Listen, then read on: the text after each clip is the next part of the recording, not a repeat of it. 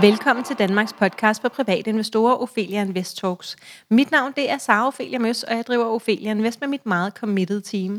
Vores mission det er at skabe rum for læring, og vores vision det er, at alle danskere ved, at investeringer er på bordet, hvis vi altså vil det. Strukturen er, at vi udkommer to gange ugentlig, nemlig onsdag og fredag. Podcasten varer normalt cirka 30 minutter. Onsdag der øh, hedder den nu Learn, og den var kun et kvarter. Og fredag hedder den så Interview, og den var stadigvæk 30 minutter. I dag er vi sponsoreret af MW Compounders, og det er nemlig dagens tema.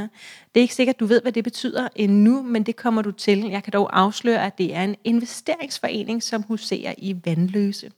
Jeg er cyklet herud og har sat mig over for Dan og Johannes, Dan Weiss og Johannes Møller, som er founders af MW Compounders. Og hej til jer. Hej, hej. Hej. I har jo øh, været med tidligere, men til dem, der stadig har fornøjelsen af at møde jer til gode, vil I så ikke begge to fortælle en lille smule om jer selv? Og Johannes, du kan starte. Jo, det vil jeg meget gerne. Jeg er 41 år gammel og øh, gift og har to børn, og jeg er sådan en, øh, en rigtig aktienørd. Jeg har arbejdet med aktier i 20 år. Øh, først har jeg været aktieanalytiker, og siden har jeg været øh, porteføljeforvalter øh, i en kapitalforvalter, en stor øh, Nordea.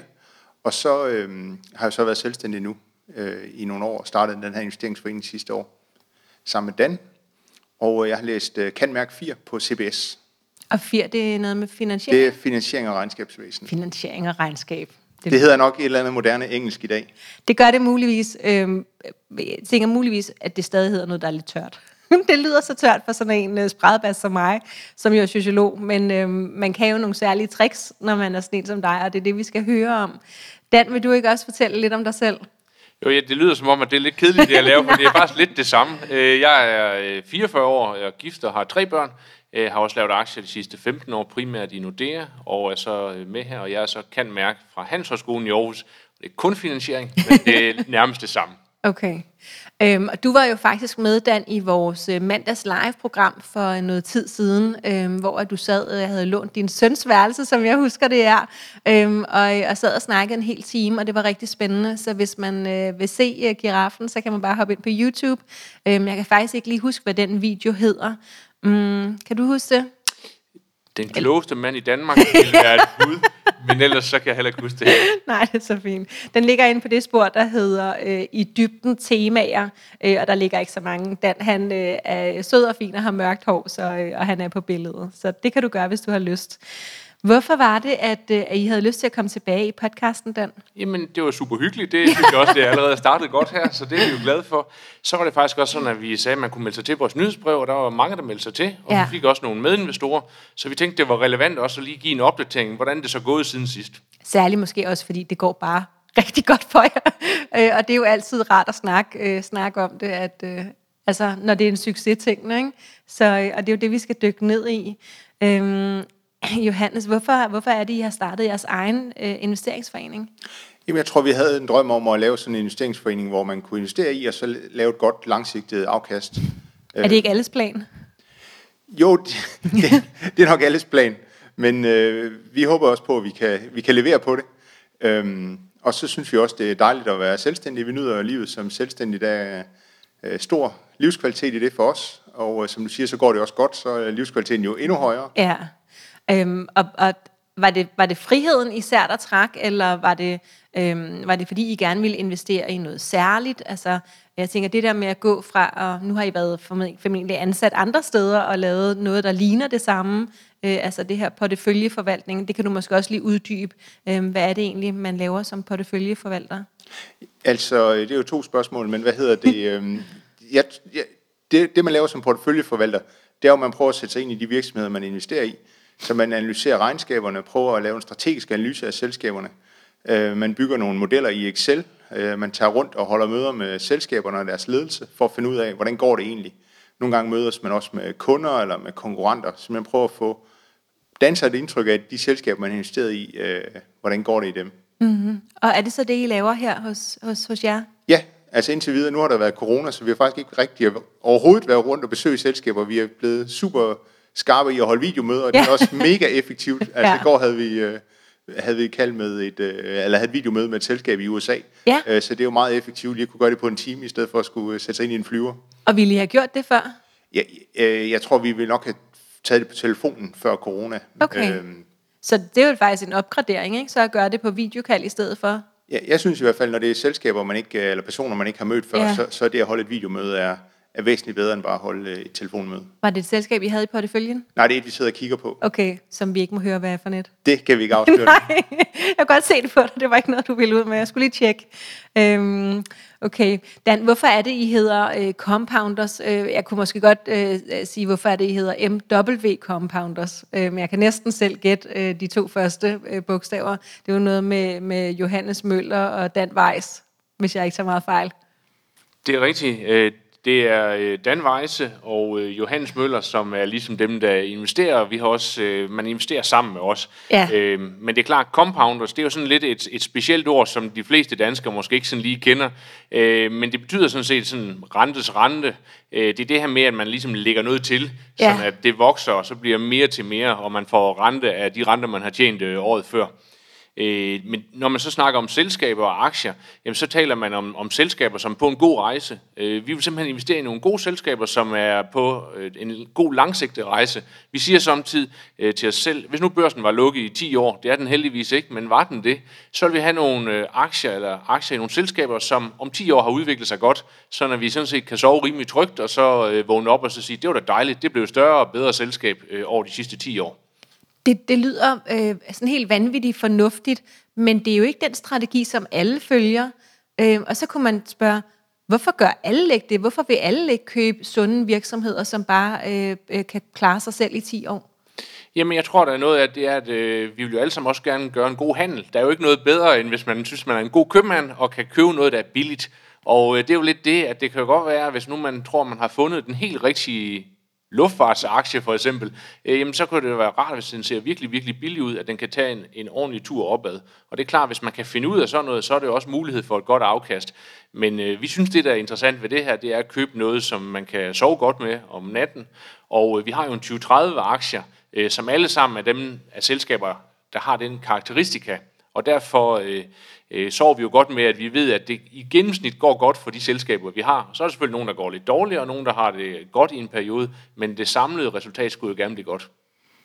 Ja, og igen, det lyder vanvittigt fornuftigt. Nu, nu sagde du lige, øhm, at alle vil jo gerne gøre en god handel, øhm, føle, at de har lavet en god handel. Du er fra Jylland, ikke også? Det er jeg i hvert fald. Ja. øh, jeg er Ja, fra Vestjylland. ja. Så, Og så jeg tænker, at det måske er mere vigtigt for nogen end for andre at lave en rigtig god handel. Øh, fordi altså, jeg tror ikke, det er noget, der fylder meget i min øh, dag. Altså, jeg handler i Netto frem for i Irma, fordi jeg ved, det er billigere der, og jeg kan få nogenlunde det samme. Men jeg, jeg vil aldrig nogensinde, tror jeg, prutte om prisen, hvis jeg skulle, du ved, et andet sted hen. Så det er jo bare for at...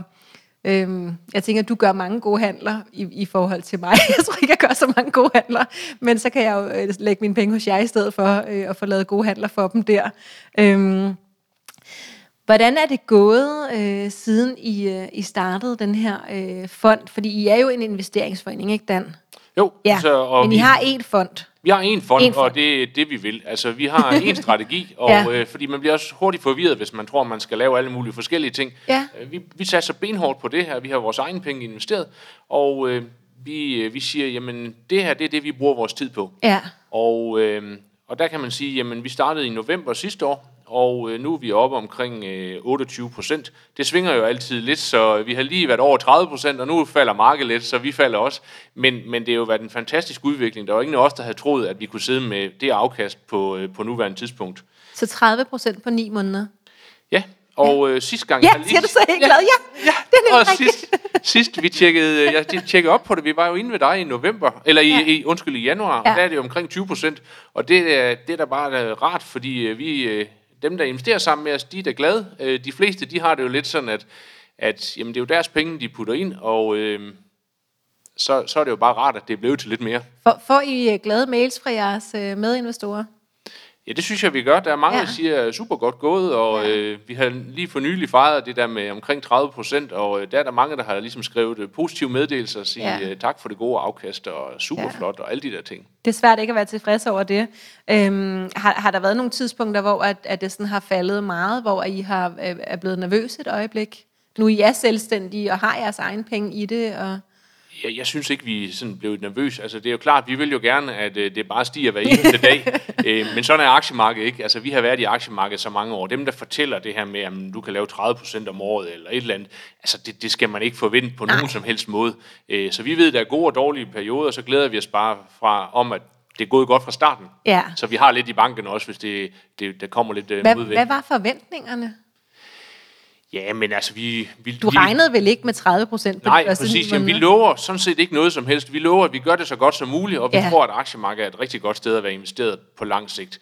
Øh, jeg tror, at øh, det historisk har aktiemarkedet givet omkring 7-8 procent i afkast om året, og på grund af den lave rente, så vil man nok forvente i gennemsnit øh, lidt lavere de, de kommende år, vil jeg tro.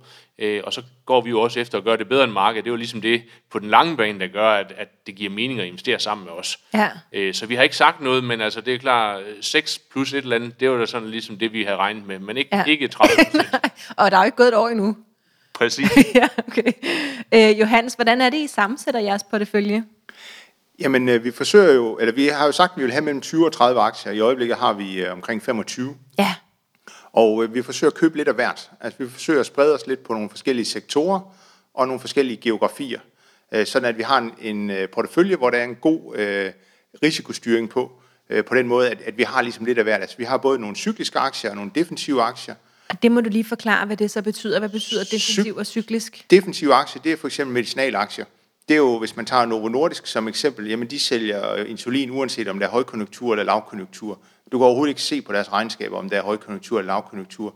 En cyklisk aktie, det kan jo for eksempel være en bilproducent. Hvis der er højkonjunktur, så sælger de masser af biler, og hvis der er lavkonjunktur, sælger de ikke nogen biler. Og der har vi lidt en portefølje, hvor vi har lidt af hvert i. Øhm, og det samme med geografier, der har vi også både noget i USA, og noget i Europa, og noget i Asien. Øh, fordi nogle gange så går det jo lidt øh, forskelligt med de her geografier, og så er det fint at have, en spredning på, sådan at vi ikke er afhængige af, e, et eneste tema. Øhm, og det vi også ved, det er, at nogle gange laver man også nogle fejl, både på selskabsniveau, men også fordi nogle sektorer går anderledes, end man har regnet med. Og hvis man så har spredt sin risiko, så er der både noget, der går godt, og noget, der går skidt. Og hvis det så i gennemsnit går bedre end markedet, så er vi jo meget tilfredse. Øhm, nu sagde du, at, øh, at, at I spreder jer lidt, og, og, og både har forskellige geografier og forskellige sektorer. Har I en forkærlighed for noget? Altså, vi har jo nogle sektorer, som ikke rigtig falder ind for vores øh, compounder-kriterier. Altså, der er nogle selskaber, det kommer lidt tilbage til, hvad, hvad det er, vi leder Ja. ja. efter. Men der, der er nogle sektorer, hvor det er svært at finde nogle selskaber, som egentlig er på en god langsigtet rejse. Okay, okay, så der er noget, der sådan helt naturligt bliver øh, sorteret fra. Ja. Ja, øh, men I har ikke sådan en, øh, sådan, en, sådan en bias imod et eller andet specifikt. Da jeg startede, så, så, så var det tech-aktierne. Jeg hørte en, øh, en, en klog mand, Mogens Vad, inde i Millionærklubben, stå og snakke om de her semiconductors i Kalifornien, øh, altså øh, flere gange om ugen, og jeg var helt forelsket i alt det, han vidste, og han besøgte dem, og det var så spændende. Og det gik rigtig godt for de her øh, semiconductors. Og jeg anede ikke, hvad det var. Altså, jeg havde ingen anelse. Jeg er meget lidt teknisk. Jeg ved stadig ikke helt præcis, hvad en semiconductor er. Øh, men jeg tjente fine penge, øh, og havde jo en, en stor forkærlighed for det. Så jeg havde 50 procent i tech, hvilket var øh, 30 procent mere, end jeg burde have haft. Øh, særligt da det så gik ned øh, for det marked. Øhm, og jeg tænker, det er meget naturligt for mange nye investorer og mange private investorer, at vi kommer til at kaste os over et eller andet, øh, som lyder smart, eller som vi føle, føler er, er godt til os eller noget. Altså- det har I selvfølgelig ikke, eller hvad, fordi Nej. I er professionelle. Altså, vi, også som professionelle kan man jo både være specialist og generalist. Ja. Og vi er generalister. Altså, vi kigger Okay. på alle sektorer. Hvorimod, hvis man er specialist, jamen, så kan det være, at man kun kigger på tech-aktier, eller kun kigger på finansaktier. Ja, Og man kan egentlig investere succesfuldt på begge måder, men begge måder har også fordele og ulemper. Ja. Så vores fordel, det er jo selvfølgelig, at vi kan skifte rundt mellem sektorerne, øh, afhængig af, hvor det er mest attraktivt at investere henne. Vores ulempe er jo så, at vi kender ikke nødvendigvis alle, alle de små spidsfindigheder, der er inden for den enkelte sektor. Øh, så det skal vi jo så forsøge at opveje, at vores fordel spiller vi på en måde, så den opvejer ulemperne. ja. Og hvad er det så, I kigger efter øhm, i en aktie? Jamen altså, vi, når vi analyserer et selskab, vi, tænk, vi investerer jo i en aktie, men i virkeligheden tænker vi jo som om, vi køber en, en virksomhed. Ja. Så vi laver sådan en strategisk analyse af virksomheden. Hvad er det for nogle produkter, de har? Hvad er det for nogle priser, de har? Hvad er deres omkostningsstruktur? Øh, og hvad er det for en ledelse, der er? Og så har vi sådan helt grundlæggende, har vi, der er ligesom tre finansielle nøgletal, der skal være i orden, for at det kan være en god langsigtet aktie at være med i. Og det første der, der skal være noget omsætning. Du er lige bange for, at du ikke vil fortælle os, hvad det var. Det vil jeg meget gerne fortælle. Det er ikke en hemmelighed. Det har vi Nå, det er godt. Det første er, at der skal gerne være noget omsætningsvækst. Og det Ja. er klart, hvis man ligesom vil være 10-årig aktionær i et selskab, jamen så skal selskabet gerne udvikle sig. Altså det kan ikke bare stå stille. Og det næste, det er sådan lidt meget, meget teknisk, så det må du undskylde, men det er, at der skal gerne være et godt afkast på den investerede kapital. Og det er ligesom et udtryk for, hvis nu man investerer en million i, inden i virksomheden, får man så et afkast på 100.000, eller får man et afkast på 500.000? At, hvem er det, der investerer millioner? Er det selskabet selv eller investorer? Selskabet selv, Okay. når selskabet investerer. Okay, så når selskabet selv investerer en million i sig selv og deres egen udvikling, hvad så? Så skulle de helst... så skal, så skal de gerne have et godt afkast. Så skal de måske have et afkast på 250.000 eller 500.000 om året. Okay, Øhm, og fordi det gør nemlig, at hvis man både kan vokse og har et godt afkast på investeret kapital, så, så er det rigtig interessant. og den tredje ting? Og den tredje ting, det er, at det skal være en god kapitalallokering.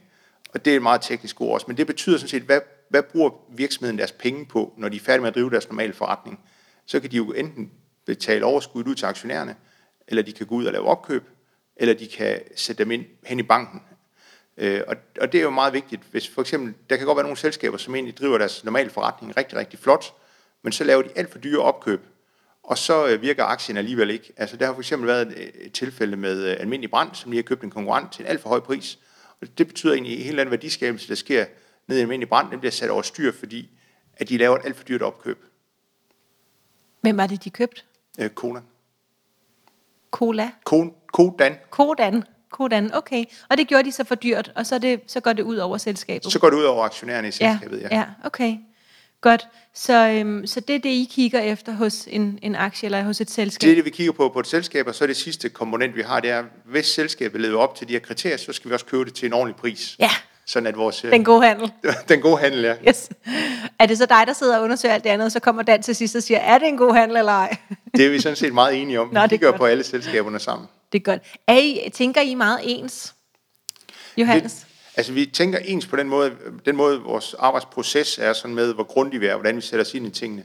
Og så har vi hver især nogle, nogle altså vi er lidt forskellige som personer. Jeg tror, jeg, jeg er lidt mere risikovillig, og Dan er måske lidt mere risikoavers. Så vi tænker egentlig, at det, det, det ender meget sundt udligner for hinanden. porteføljen. Ja, så du kommer og pitcher nogle ting. Og hvad siger du så, Dan, hvis, hvis du tænker, at øh, det der, det er lige våget nok?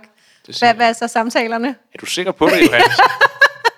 så snakker vi om det, og Johannes han sætter sig jo typisk øh, rigtig godt ind i tingene, så, Så han har svar på det. så han har svar, og ellers så finder han svarene. Ja. Øhm, så det vil jeg sige, at øh, vi sådan set øh, lykkes meget godt med at blive enige om øh, de ting, der er øh, i porteføljen. Øh, så vi køber ikke noget, som vi ikke begge to synes er en god idé. Er du, nogen, er du nogensinde blevet overtalt, hvor at du alligevel ikke har været sådan 100% sikker, hvor du er sådan, jeg håber virkelig, at han har ret? Jamen, det er jo altid sådan, at selvom vi kigger på selskaberne sammen og har kaldt sammen, så er der jo en af os, der ligesom sidder og laver regnearket og sidder og, og hører ekstra meget med øh, på, måske ikke selskabets conference call, for dem hører vi begge to, men det kan være, at man så er lidt mere inde i konkurrenterne. Så det er klart, der er jo en, der ligesom er lidt mere den, der ved, hvad det er. Og derfor må vi også nødt til at have tillid til hinanden, Ja. om at jamen, selvfølgelig, øh, vi ved, at øh, jeg ved, at Johannes han laver sit arbejde ordentligt, øh, så når han kommer med en idé, jamen, så, er det, så er det tænkt igennem. Og så er det klart, at det man så altid skal gøre, når man kigger på en ny aktie, det er jo så, at man skal også sådan ligesom være lidt øh, djævelens advokat til at sige, er du nu sikker, og kunne du måske overveje, om det der, det var en relevant risiko mm-hmm. for selskabet.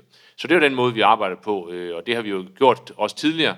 Øh, men, men det gode er, at vi sådan i vores grund-DNA er meget ens i, at vi, vi, vi gør vores arbejde grundigt. Vi, øh, vi kan også godt lide at lave et regneark, og vi laver den på den samme måde. Øhm, og så er vi jo så også ret enige om, hvad det er, vi skal købe, nemlig de her compounder-selskaber. Øh, og det gør jo, at der er faktisk en hel masse ting, som bliver udelukket af sig selv, enten fordi øh, den omsætningsvæksten ikke er høj nok, eller fordi de ikke tjener penge på deres investeringer, eller fordi de køber alt for dyrt, når de køber noget. Så I er lige nørdede. Der blev helt stille. Ja. Vi er i hvert fald nørdet begge to. Ja, Vi er her rigtige aktionørder. I er rigtig aktionærer begge to. Dan, hvad har været jeres bedste aktier i år? Jamen, det har været et øh, lille svensk industriselskab, som hedder Note. Øh, den steg over 100% i år, så det har været øh, rigtig, rigtig godt. Og øh, de, øh, de er sådan underleverandør. Alt sådan noget elektronik. Øh, jeg, jeg, op i mit hoved, så forestiller jeg mig, at de laver alle printpladerne til, hvis du skal have, købe en eller anden, for eksempel de mikrofoner, vi snakker ind i, jamen, måske skal du have en eller anden printplade, der er et eller andet på, jamen så sørger de for at samle det øh, måske det hele eller noget af det. Øh, så de er sådan ligesom sådan en outsourcing partner, men de har lykkes med at få en masse nye ordre, samtidig med at ligesom alle andre sådan industriagtige selskaber, så er der jo bare masser af forbruger efterspørgsel, øh, og det gør jo, at de har, har virkelig, virkelig travlt. Hvordan, jeg tænker, der sidder nogen nu og har lyst til lige at google øh, den aktie. Øh, hvordan stavede du det? N-O-T-E. Okay, kan du huske tickerkoden også? Det kan jeg ikke lige huske, Nej, men det det er er, det er i hvert fald let at finde den. Øhm, og det er et lille selskab. Så Og det var er, svensk. Og det er svensk. Jeg det- tror faktisk på, no, no, på Google, at man skal skrive note AB. Okay, NOTE og så AB for Aktiebolag, ja. Ja. som er ligesom øh, det øh, danske aktieselskab. Øhm, vil, du, vil du nævne en til, måske? Ja, jeg har øh, to øh, uprunners, der ligger Ja. lige efter, eller ikke Ja. lige efter, men som er de to, der også har klaret sig rigtig godt. Den Ja. ene, det er dem, der hedder Alphabet, som jo så er et rigtig stort selskab. De øh, ejer jo Google, og de ejer YouTube. Og det, man må sige, det er, at de har haft kæmpe succes. Øh, alle har fundet ud af, at vi skal annoncere igen, for nu er der gang i øh, verden, og der er stadigvæk rigtig meget af annoncemarkedet, der rykker online. Øh, så den har også op over 50 procent i år. Øh, og den anden aktie, det er vores lokale Novo Nordisk, som jo sådan set har haft øh, virkeligheden lidt et stille væsen i den periode, vi har været øh, i gang, og det var en af dem, som faktisk lå lidt dårligt i porteføljen, men så har den jo taget et kæmpe ryg her på det sidste, og det er jo fordi, de har fået det her fedmemiddel, øh, som gør, at folk de kan blive tyndere, og øh, det der det ligner, at amerikanerne de hiver det ned fra hylderne. Altså man ser sådan nogle kurver, man ikke har set før, og man snakker om udsolgte produkter og alle sådan nogle ting. Og det er jo klart, det er jo, det er jo rart, når selskaberne, vi ved, at det sidste solgte produkt er utrolig høje marginer. Mm. Øh, derfor er det jo også noget, som øh, investorerne godt kan lide. Ja. Hvad, hvad, Dan, hvad, hvad for nogle aktier driller sig mest i jeres øh, portefølje? Jamen, der har vi også nogle øh, selskaber, som øh, har drillet. En af de selskaber, vi har, det er nogen, der hedder TGS, som er sådan et olieservice-selskab. Øh, der sker det, at øh, de laver sådan noget seismiske undersøgelser, så hvis du nu skal have gang i et nyt oliefelt, jamen, så øh, får du fat i, i noget af det data, som de laver. Men det, der sker med olieselskaberne lige for tiden, det er, at de siger, lad os lige få nedbragt vores gæld, og så er der også selvfølgelig hele den grønne omstilling, hvor de siger, lad os lige øh, se, om vi måske også skal til at lave nogle vindmøller. Og alle de ting, det gør, at der ikke kommer helt gang i det marked, på trods af, at olieprisen jo er kommet utrolig stærk igen. Øh, så har vi øh, et andet, man kan sige, det er lidt to selskaber, som er lidt det samme. Det er nogen, der hedder Prosus og Naspers, og de ejer deres største aktivitet, det er, at de ejer en- stor del af det, der hedder Tencent. De har på nuværende tidspunkt 29 procent af, af Tencent, og Tencent er jo det her kinesiske øh, tech-selskab, som har nærmest alt det, som Facebook og øh, alle YouTube har øh, sammen. Øh, så så det, det er jo øh, sådan et social medie især. Kinesisk? Kinesisk, ja. Og det der, hvis man nu har kigget lidt i aviser, øh, så vil man opdage, at der er noget ny regulering, og man ved ikke helt, hvad det er, den kinesiske regering vil, men det er jo det, der sker, det er, at de kan jo bare sige, nu, nu er reglerne lidt anderledes. Ja. øhm, og det rammer, rammer dem, så de har været noget under pres, og det har været en anden aktie, som har haft det svært. Vi synes, det er en fantastisk fantastisk selskab, men det er klart, når der sådan sker noget i det, den måde, de opererer på, så giver det jo usikkerhed. Og det er klart, også som vesterlændinge, vi måske bliver måske ekstra usikre, fordi vi tænker, det er jo også Kina. Øh, så det er to af de aktier, der har gjort det, gjort det lidt svært. Jeg, jeg vil egentlig have troet, at, øh, at I ville være øhm, kan sige, varsomme, eller, øhm, eller synes, at, at kinesiske aktier kunne måske være for risikofyldte, øh, netop fordi, at, øhm, at regeringen i Kina bare kan bestemme fra den ene dag til den anden, ændre reglerne, så I kan lave jeres arbejde nok så godt, øhm, og så kan det hele være lige meget øh, fra den ene dag til den anden. Øh, kan du ikke lige sætte et par ord på, hvorfor I alligevel synes, at Tencent er en god aktie, til trods for de risici? Jamen igen, jeg tænker, hvis man starter sådan helt tilbage, så kan man sige, at Kina er jo et, et, en økonomi, som udvikler sig rigtig, rigtig stærkt. Der er en stor befolkning, og jeg ved godt, at de har problemer med befolkningstilvæksten, men det ændrer ikke ved, at du har ligesom den der kæmpe velstandsfremgang. Og det vil sige, at Kina er jo en større og større del af den globale økonomi. Så, så det jeg tænker, det er, at jeg vil også gerne have en eksponering, hvis jeg skal ligesom tænke 10 år frem mod, øh, mod Kina. Øh, Så det er ligesom en af de ting, som er. Og så er det klart, at øh, vi kan godt lide deres forretningsmodel, at de øh, har vist en fantastisk evne til at komme op med nye produkter, og de har virkelig, virkelig godt fat. Tencent. Tencent, ja. Yes. Og de har virkelig godt fat i, øh, i den kinesiske forbruger. Og så er det klart, at det er vi tilbage til det her med, at vi har jo en 20-30 aktier i øh, porteføljen. Og det er også derfor, at resultatet er stadigvæk godt, selvom vi har problemer for Ja. eksempel med den. Øh, det er fordi, at vi køber lidt af hvert. Ja. Og det vil sige, at, at derfor har vi jo tur at tage den, men vi har jo ikke puttet alle vores penge ind i kinesiske aktier. Nej, det er en rigtig god pointe, og også øh, som, som bringer os tilbage til kernen i det, I laver, ikke? At, at I har den her gode spredning, og, øhm, og det er måske der, hvor at privatinvestorer, når vi bare får lov til at, øh, at investere vores penge alene, uden nogen hjælp og uden nogen fonde, at, at så er det måske, at vi kommer til at have en overvægt. Ligesom jeg havde, at så satte jeg 50 procent i, øh, i tech-aktier, som jeg i virkeligheden ikke rigtig forstod. Øhm, Johannes, øh, har I selv investeret i jeres investeringsforening? Ja, det er ligesom en, en stor del af det DNA, vi har lagt ned i vores virksomhed. Ja. Og vi har investeret langt hovedparten af vores øh, egne midler i foreningen. Og øh, vi har hver to aktier, som vi holder fast på. Vi havde nogle aktier, som ikke passede ind i strategien. Øh, Og der har vi så lavet en aftale om, at øh, når vi sælger dem, så putter vi pengene ned i foreningen. Ah, okay. Så, på, Så I har to aktier hver uden for foreningen? Ja, og så tanken er jo så over sigt på tid. Over, over sigt, så vil vi være 100% investeret i investeringsforeningen. Okay, så, Så vi- alle jeres frie midler vil De aktier, vi har, det, det vil ligge nede i investeringsforeningen. Ja, så det eneste, I vil have ved siden af, det er Ja, hus pension og biler, ejendom. og, hus og bil. Og, Men ikke at- pensionen? Nej, pension, har- øh, jeg, jeg ved ikke lige faktisk, jeg tror måske Dan har noget pension, han ikke kan investere, men jeg har for eksempel kun sådan en ratepension, der har jeg købt vores investeringsforening Okay, øh, 100 procent. okay. Øh, er det en fordeling, som du vil anbefale øh, lytterne også, at vi lægger det hele i en fond? Altså, jeg mener, det kommer an på, hvad for en investeringsforening det er, men vores, vi har lavet vores investeringsforening sådan, at den sådan set kan give folk den aktieeksponering, de gerne vil have. Okay, Der kan jo godt være nogle investeringsforeninger, som er mere specialiseret. Hvis man for eksempel har en, der investerer i Indien, så vil jeg nok ikke anbefale, at man putter det hele i den. Men hvis man køber en, en, en global, bred global investeringsforening, altså nogle af de store er jo sådan noget BLS, er der noget, der hedder Sea Worldwide, Ja. så har de samme profil som vores, Ja. så den kan man sagtens sige, at den køber jeg bare. okay. Fordi jeg tænker, at- at der måske nok er mange, øhm, øh, der, der tror, at, at det er meget vigtigt, at man har minimum fire fonde øh, eller et eller andet i, øh, i sin øh, sådan basisportefølje, og så måske en masse ekstra ovenpå. Øh, jeg snakker jo tit om den her rugbrødsmadsportefølje, hvor vi har fonde i bunden, og så har vi enkelte aktier, så lidt sjov. Og det er jo også, øh, jeg prøver også at hensyn til, at mange af os har lyst til lidt sjov, og har lyst til lidt ekstra. Øhm, men, men i virkeligheden siger du, øh, at, øh, at eksponeringen i en bred fond, øh, det er faktisk nok. Ja, det mener jeg jo, det er. Hvis det Ja. er sådan en global aktieportefølje, så, så giver den jo egentlig det, man har brug for Ja. som privat investor. Ja. Eller professionel investor. Ja, så de der 20-30 aktier fra hele verden, som I for eksempel har i jeres portefølje, ja det er nok. nok. Ja. Okay. Øh, og jeg tænker, Dan, at du er helt enig. Ja, jeg er bestemt enig, Ja. ja. fordi det, der sker, altså det er klart, man, det, det er jo op til den enkelte. Vi, vi har et eller andet, vi vil gerne fortælle om, hvad vi laver, og så må man jo træffe sin egen valg om, hvad man, man gør. Men det, der samtidig i hvert fald sker, hvis nu man, lad os nu antage, at man købt 20 fonde, Ja. så sker der jo det, at man de facto ender med bare at købe en indeksfond, fordi så, så netter alle de der ting lidt ud mod hinanden, fordi Ja. så har man i stedet for at have 20-30 aktier, så har man måske lige pludselig 300 aktier. Og, og, det, og det er i hvert fald det, man lige skal tænke over. Eller det er, 3.000. Eller 3.000, ja. Ja. ja. Så det er det, man skal tænke over, at så, så kan det være, så skulle man måske bare købe nogle, en global indeksfond, hvis Ja. det er det. Altså jeg tror, man, man netter lidt alle de der effekter ud, hvis man køber en hel masse forskellige investeringsforeninger. Ja, så Johannes, alt det, alt det gode, som vi opnår, øh, altså jeres 30 procent, dem kan vi i virkeligheden ødelægge ved at putte øh, dårligt performende fonde i samme pulje.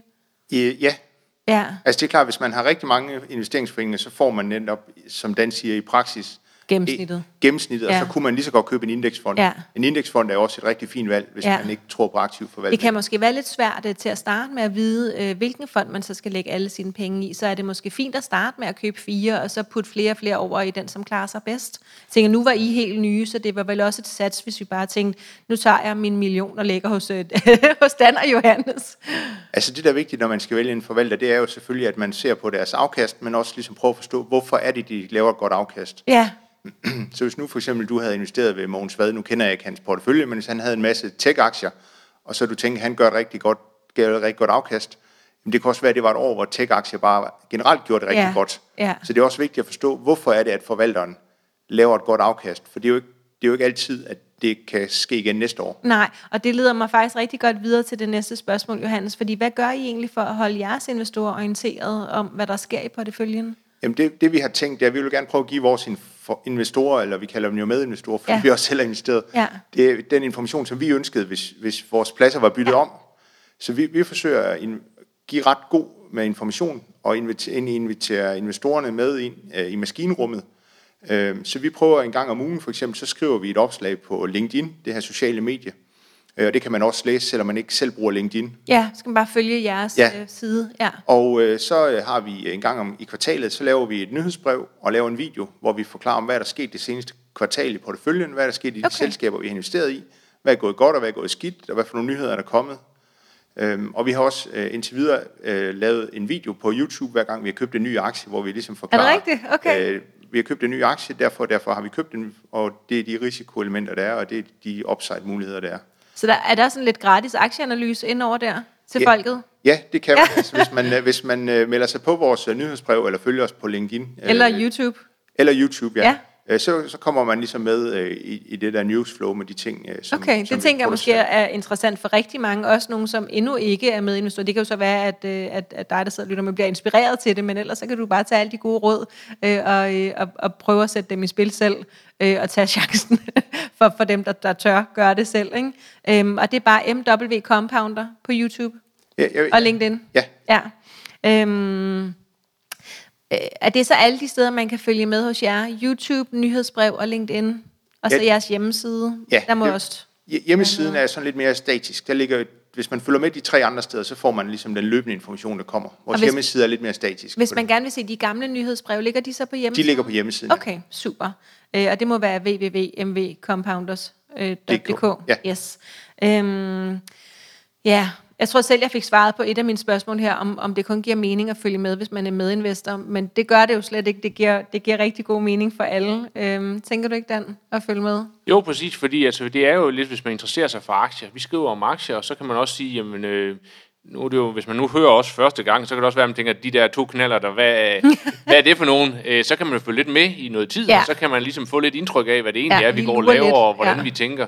Øhm, og, og så er det klart, jamen, øh, jeg synes, det er altid det er interessant at høre, hvordan andre investorer, og hvis klar som privatperson, er det jo interessant at, at følge lidt med i, hvad, hvordan gør nogle professionelle. Ja, ja der deler I faktisk, øh, altså inviterer folk meget med ind, som du siger, i maskinrummet, Johannes.